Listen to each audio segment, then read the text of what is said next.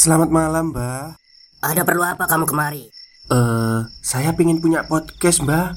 Biar pacar saya makin cinta sama saya. Loh, loh, loh.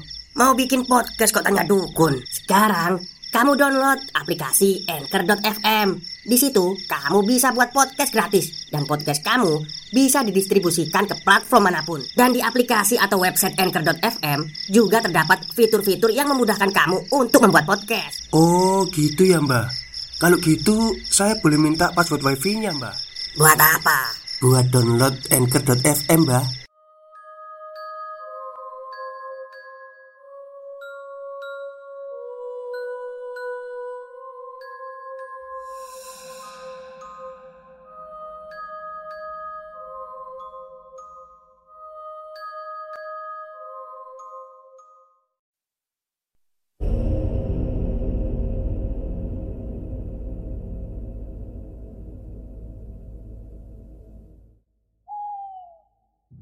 Assalamualaikum warahmatullahi wabarakatuh. Halo semuanya Jumpa lagi dengan saya Chow Sing Sing Kurator dari podcast Horror Night Story.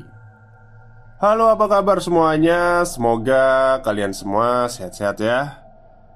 Dan sebelumnya saya mengucapkan Minal aidin wal faizin Mohon maaf lahir batin. Semoga di hari yang Ya ini masih hari lebaran ya Suasana hari lebaran ya. Kita kembali menjadi putih Menjadi bersih hati kita. Dan saya mohon maaf juga Jika selama ini saya Mungkin bercerita Ada kata-kata yang menyinggung kalian Atau menyakiti kalian Saya mohon maaf. Kan gak sengaja. Dan uh, ini adalah hari pertama saya kembali untuk bercerita. Soalnya udah lima hari ya mungkin ya. Kalau nggak lima hari ya empat hari itu kemarin. Saya keliling eh, safari Lebaran dari kota ke kota gitu untuk mempererat silaturahmi dan demi keutuhan NKRI ya. Jadi biar rukun semuanya. Oke, dan cerita pada siang hari ini saya hadirkan dari tweet Twitternya Mas Wahid. Jadi kalau mau baca-baca uh, tulisannya Mas Wahid bisa kok di Karya Karsa ada, di Twitter ada. Nanti saya sertakan linknya ya. Dan juga bagi kalian yang mau pesen uh, wayang, wayang kulit buatannya Mas Wahid bisa juga Pesan aja lewat twitternya itu Nanti ada kok link twitternya Oke Daripada kita berlama-lama Mari kita simak ceritanya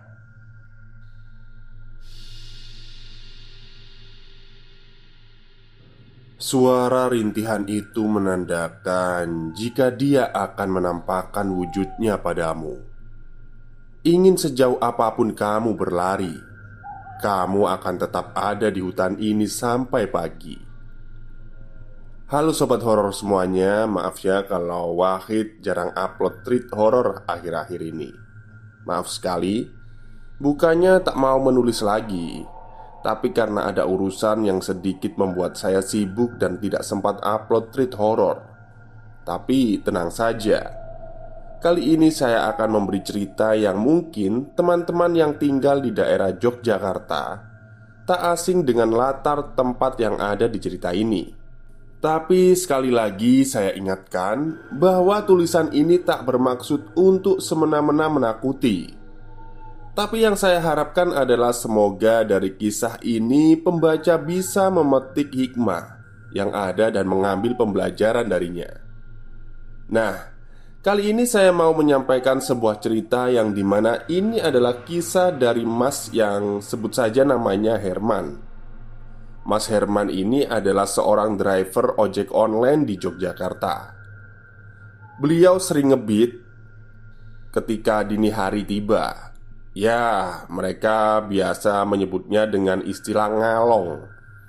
Biasanya Herman berangkat ngalong sekitar jam 10 sampai 11 malam Dan rute dia mencari pelanggan adalah sekitaran Pogung, Seturan, dan Babarsari. Namun, memang sebenarnya malam hari bukanlah waktu yang bagus untuk narik ojek. Ya, memang benar, pelanggan itu pastilah tetap ada kapan pun. Namun, di sini yang saya maksud adalah ketika malam hari tiba, kemungkinan besar kalian juga akan bertemu dan berinteraksi dengan mereka dalam tanda kutip. Malam itu Herman berangkat dengan penuh semangat untuk memulai mencari rezeki. Dia berangkat dari rumah malam itu sekitar pukul 11 malam. Dia memanglah sering ngebit ketika malam hari. Dia biasanya kegiatan itu disebut ngalong. Malam itu Herman mulai mengendarai motornya dan berkendara menuju ke arah Tugu Jogja. Dengan harapan di jam seperti itu, banyak anak kos ataupun yang lain sedang dalam keleleran atau mungkin membutuhkan jasanya. Tak berselang lama ketika Herman memasuki kawasan Babarsari, ternyata ada customer di sekitar bagian jembatan bawah Janti tanpa berpikir panjang, Herman langsung mengambil orderan itu dan langsung bersiap menuju lokasi penjemputan itu berada. Dengan semangat, Herman menarik gas motor varionya. Tak butuh waktu lama untuk Herman sampai ke titik di mana lokasi penjemputan itu berada.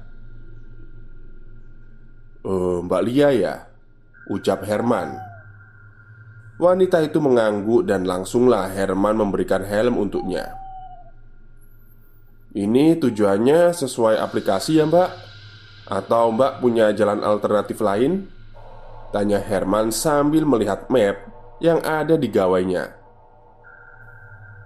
Iya mas Jawab wanita itu datar Malam itu jam menunjukkan sekitar pukul setengah 12 malam Jalanan tak terlalu sepi.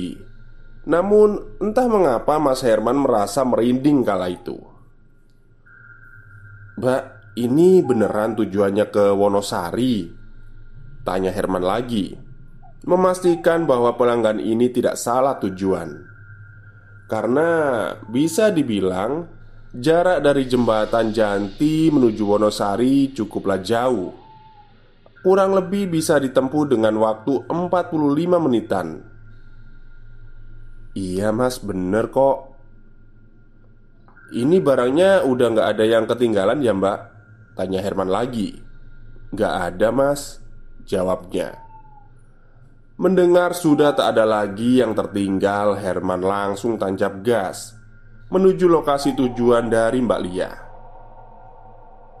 ketika Herman sudah sampai di daerah perempatan Ring Road Ketandan. Tiba-tiba Herman teringat bahwa ketika ia mau menuju ke Wonosari, ia juga harus melewati alas X yang sudah sangat terkenal dan sering terjadi hal-hal mistis di sana. Namun, karena malam itu ia baru mendapatkan customer satu, jadi apa mau dikata, Herman harus mengambilnya. Ya, daripada tidak ada uang untuk membeli kebutuhan esok harinya, pikirnya kala itu. Malam semakin sunyi, apalagi ketika ia sudah memasuki kawasan Jalan Wonosari. Sebagai pelepas rasa kantuk, Herman sesekali mengajak ngobrol Mbak Lia yang nampaknya kala itu ia juga sedang asyik bermain telepon genggamnya. Mbak Lia ini dari mana ya? Kok tumben? Jam segini baru balik rumah? Saya kerja di salah satu toko besar yang ada di daerah Janti, Mas. Ini tadi karena ada keperluan mendadak, makanya saya jadi pulang jam 11. Ucapnya sambil terus menatap telepon genggam. Wah, Jam segini itu rawan kejahatan loh mbak. Mbok besok kalau mau pulang itu Mending pagi sekalian. Atau malah mending jangan pulang dulu sekarang. Ya mau gimana lagi mas? Saya anak semata wayang. Jadi selain bekerja Juga harus menjaga orang tua saya. Capek sih mas. Tapi ya mau gimana lagi Tak terasa mereka sampailah di gerbang pintu masuk ke daerah Gunung Kidul. Di sana, entah mengapa, tiba-tiba perasaan Herman menjadi sedikit gundah. Padahal dia sudah sangat sering melewati kawasan ini. Namun, entah mengapa malam ini rasanya begitu berbeda dari biasanya. Tanpa berpikir panjang, Herman langsung tancap gas saja malam itu. Tolong pegangan agak kenceng, ya, mbak. Saya mau sedikit ngebut ini, biar nantinya nggak terlalu malam di jalan. Ucap Herman sambil menarik gas dan seketika itu motornya melaju kencang. Enggak mas Setuju dengan ucapan Mas Herman Mbak Lia langsung berpegangan erat Malam semakin larut Jam tangan Mas Herman menunjukkan bahwa sudah hampir jam 12 malam. Dan tanpa ia sadari Dia sudah memasuki kawasan di mana alas X itu berada. Mbak, jangan berhenti berdoa ya. Oh, enggak mas. Ucap liri Mbak Lia dari ucapan Mbak Lia tadi. Mas Herman bisa paham jika Mbak Lia paham dengan maksud dan tujuan dari ucapannya. Malam itu jalanan benar-benar sepi, tidak seperti waktu memasuki kilometer awal jalan Wonosari tadi. Sebenarnya, Mas Herman malam itu sudah memiliki firasat yang tidak baik, tapi bagaimanapun dia harus mengantarkan Mbak Lia sampai ke tujuan. Karena itu, sudah menjadi tanggung jawabnya ketika ia sudah menyetujui Mbak Lia sebagai customernya. Lebatnya kawasan hutan jati dan sesekali terdengar suara lolongan anjing liar menambah kengerian pada malam itu. Sampai tiba-tiba Mas Herman mendengar suara seperti suara rintihan kuda. Namun, semakin lama suara itu menjadi semakin jelas. Itu suara tangisan. Eh, bukan. Itu suara tertawa perempuan. Batin Mas Herman berkecamuk ketika mendengar suara itu. Mbak, sampean dengar suara tadi itu boten? Iya mas, arahnya dari sebelah kanan toh Balas Mbak Lia dengan nada sedikit bergetar karena ketakutan Udah mbak, pegangan kenceng aja. Semoga aja dia nggak menampakkan wujudnya. Jangan berhenti berdoa ya mbak. Ucap Herman. Dia tubuh yang gemetaran. Dia memaksakan tangannya untuk tancap gas Supaya lekas menjauh dan keluar dari area alas jati itu. 15 menit kemudian akhirnya mereka berhasil keluar dari kawasan itu Kawasannya memanglah sangat luas dan panjang. Jadi wajar Bila ketika melewati alas itu Membutuhkan waktu yang lumayan lama. Mbak, ini jalannya yang mana? Tanya Mas Herman. Ia kebingungan ketika melihat jalan yang bercabang dan tak ada di map. Ambil jalan yang setapak tanah mas. Jangan yang sebelah kiri itu jalan menuju makam desa sini. Oh, nggih mbak. Jawab Mas Herman mantap. Mereka berdua melanjutkan perjalanannya menuju rumah Mbak Lia. Setelah memasuki kawasan desa Mbak Lia Entah mengapa Mas Herman ketika memasuki kawasan desa Mbak Lia Dia langsung segar kembali Tidak merinding lagi. Mbak, ini rumahnya sebelah mana ya? Ini mapnya mati soalnya. Itu mas, rumahnya samping musola. Rumah yang berwarna hijau. Ucap Mbak Lia sambil mengacungkan jarinya. Oh iya mbak. Saya sudah lihat kok. Balas Mas Herman. Sampailah mereka di rumah Mbak Lia. Kondisi rumah Mbak Lia memanglah tak begitu jauh berbeda dengan rumah yang ada di kota.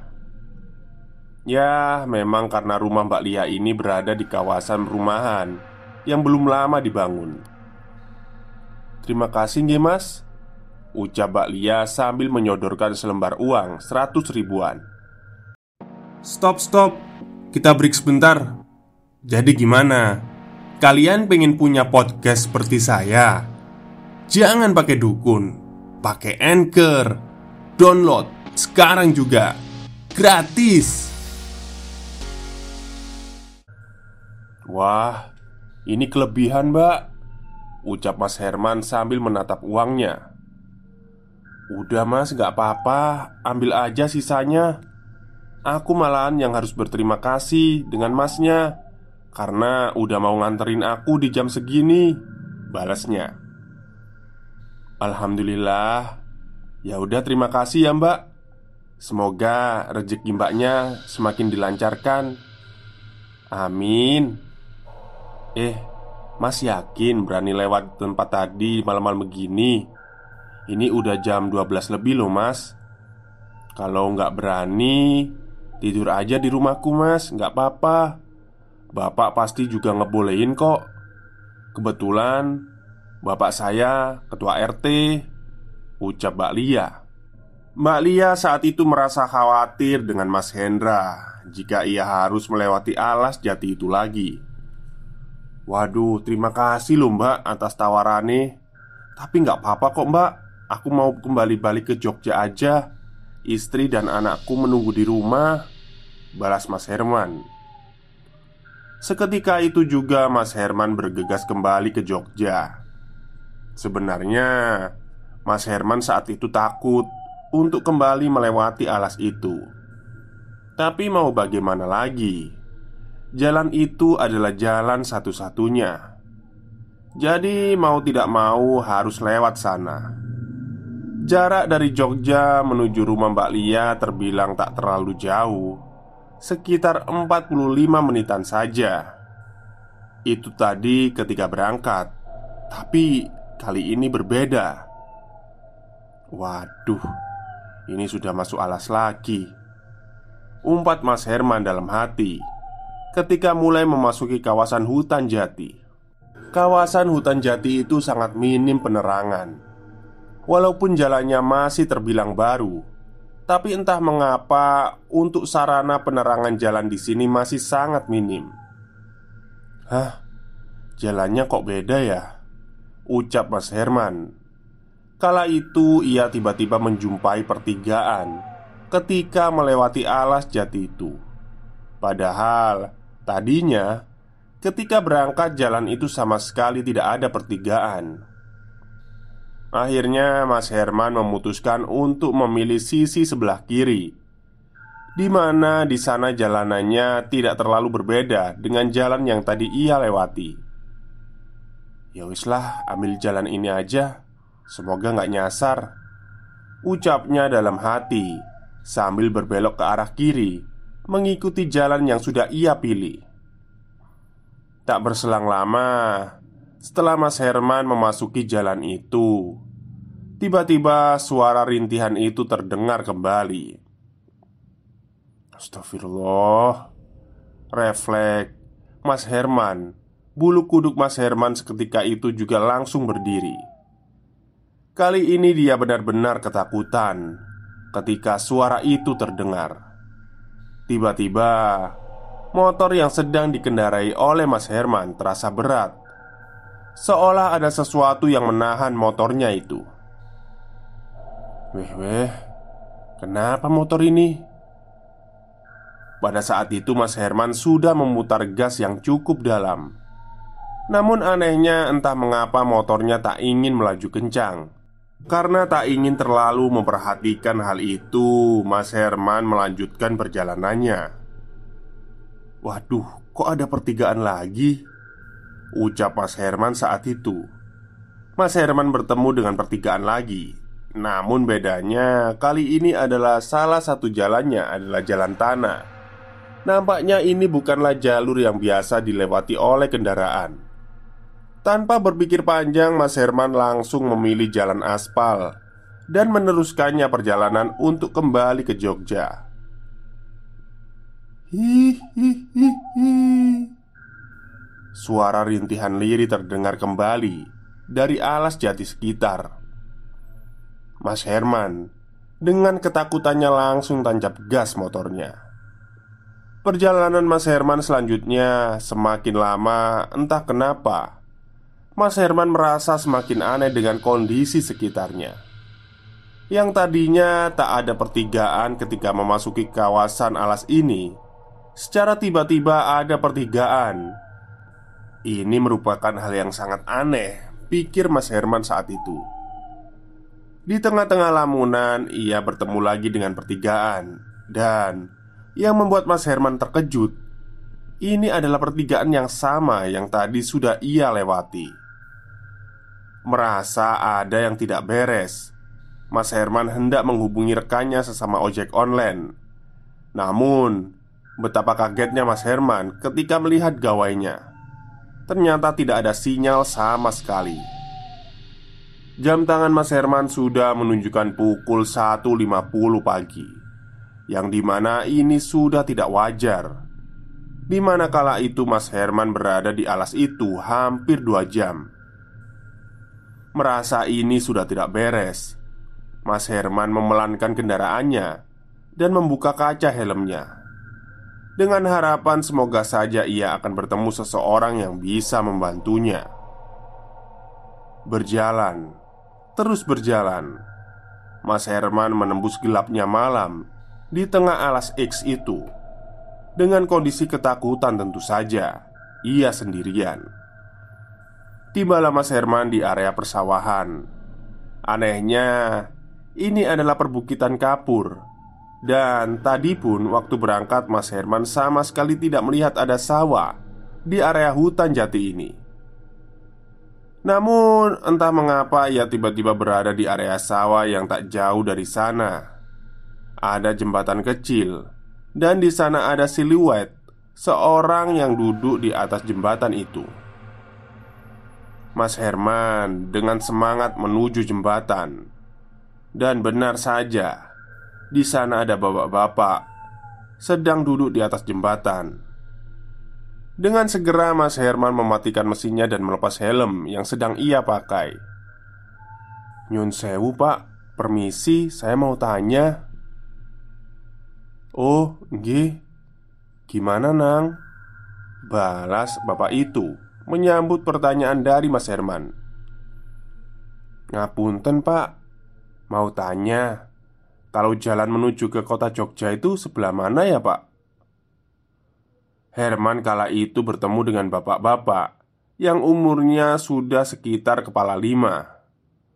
Bapak itu memakai kerah baju Kancing yang tak dikaitkan dan membuat dada bapak itu Terlihat mesti sedikit karena gelapnya malam Bapak itu juga menggunakan celana hitam di atas mata kaki yang kala itu tampak sedikit basah. Bapak ini juga memakai caping layaknya orang dari sawah. Namun anehnya ketika Herman bercakap dengan bapak ini hanya menunduk dan juga beliau sama sekali tak melepaskan caping yang kala itu sedang melekat di kepalanya. Sehingga Herman sama sekali tak bisa melihat sosok dari wajah bapak itu. Yalah nang nang. Kamu itu lo juga aneh. Ngapain jam segini malah keluyuran? Jam segini itu saatnya istirahat.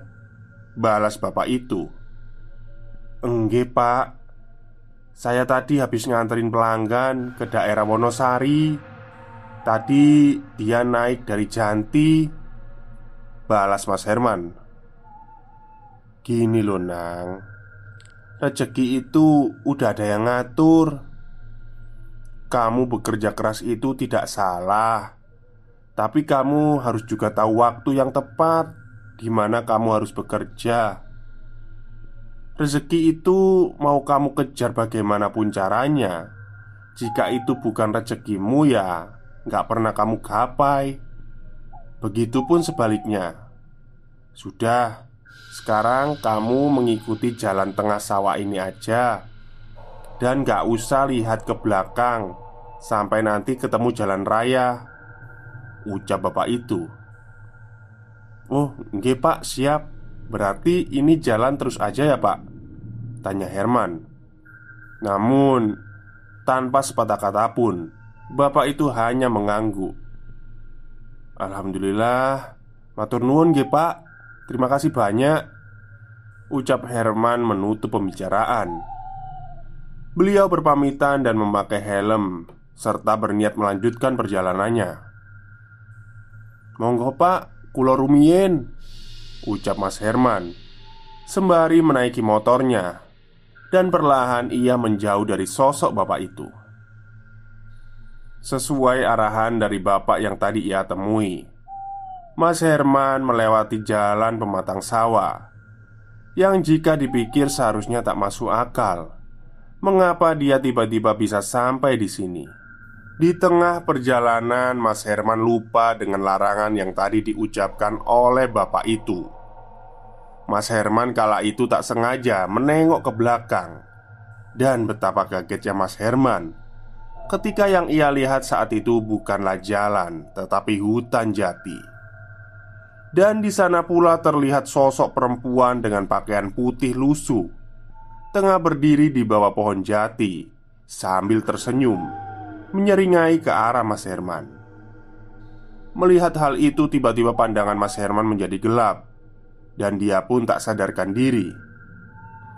Keesokan harinya ada seorang bapak yang kala itu tengah membawa keranjang berisi sayuran Yang ingin ia jual ke kota Sebut saja namanya Pak D. Kemijo Saat itu secara tidak sengaja Pak D. Kemijo melihat ada lelaki yang terkapar tak sadarkan diri Di pinggir jalan Dan motor dalam keadaan menyala Melihat ada orang yang membutuhkan bantuan, Pak Ade Kemijo lantas mendekati dan menyadarkan lelaki itu.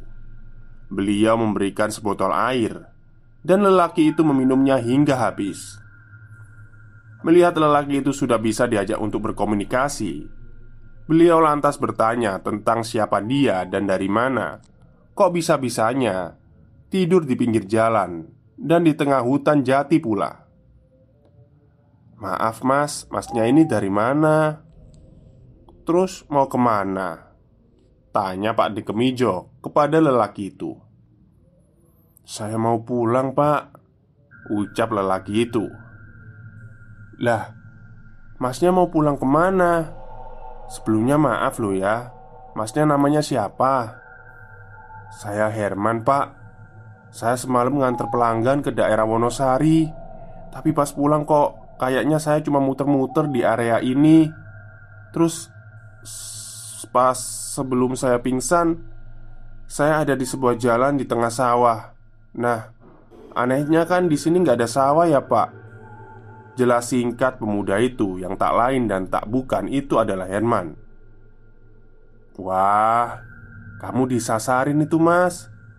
Kamu ketemu sama sosok bapak berbaju serba hitam nggak? Tanya balik bapak itu. Nggih pak, bener.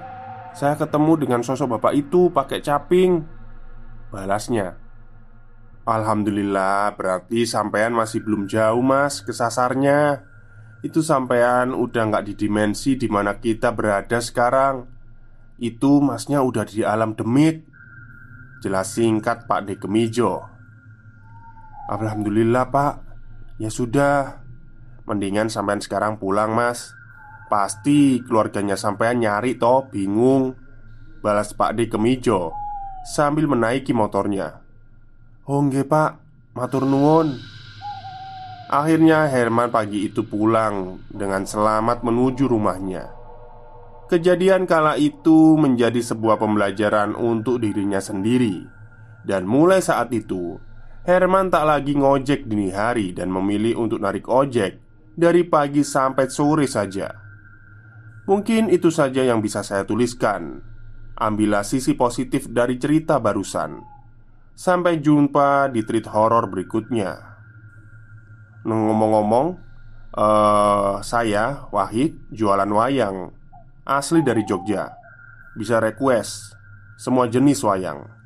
Silahkan pesan dan harganya terjangkau Oke, itulah cerita dari treat horor yang dituliskan oleh Mas Wahid Tentang seorang pemuda yang nyasar di hutan alas jati yang ada di daerah sekitar Jawa Tengah, Yogyakarta Jadi untuk kalian yang suka ngebit di malam hari atau ngalong atau berprofesi sebagai driver online itu hati-hati ya.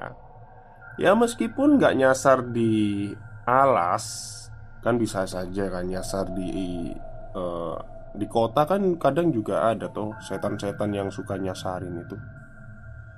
Dan uh, kepada semuanya ini saya juga baru tahu. Ternyata Mas Wahid ini jualan wayang ya. Bisa buat wayang lah. Jadi yang kepingin wayang e, Mau pesen wayang asli dari Jogja Ini kayaknya kulit ya mas ya. Itu bisa langsung pesen ke Mas Wahid. Jadi Ya langsung aja pesen di Twitternya Mas Wahid. Nanti kan saya sertakan linknya itu. Oke mungkin itu saja cerita pada siang hari ini. Kurang lebihnya saya mohon maaf. Wassalamualaikum warahmatullahi wabarakatuh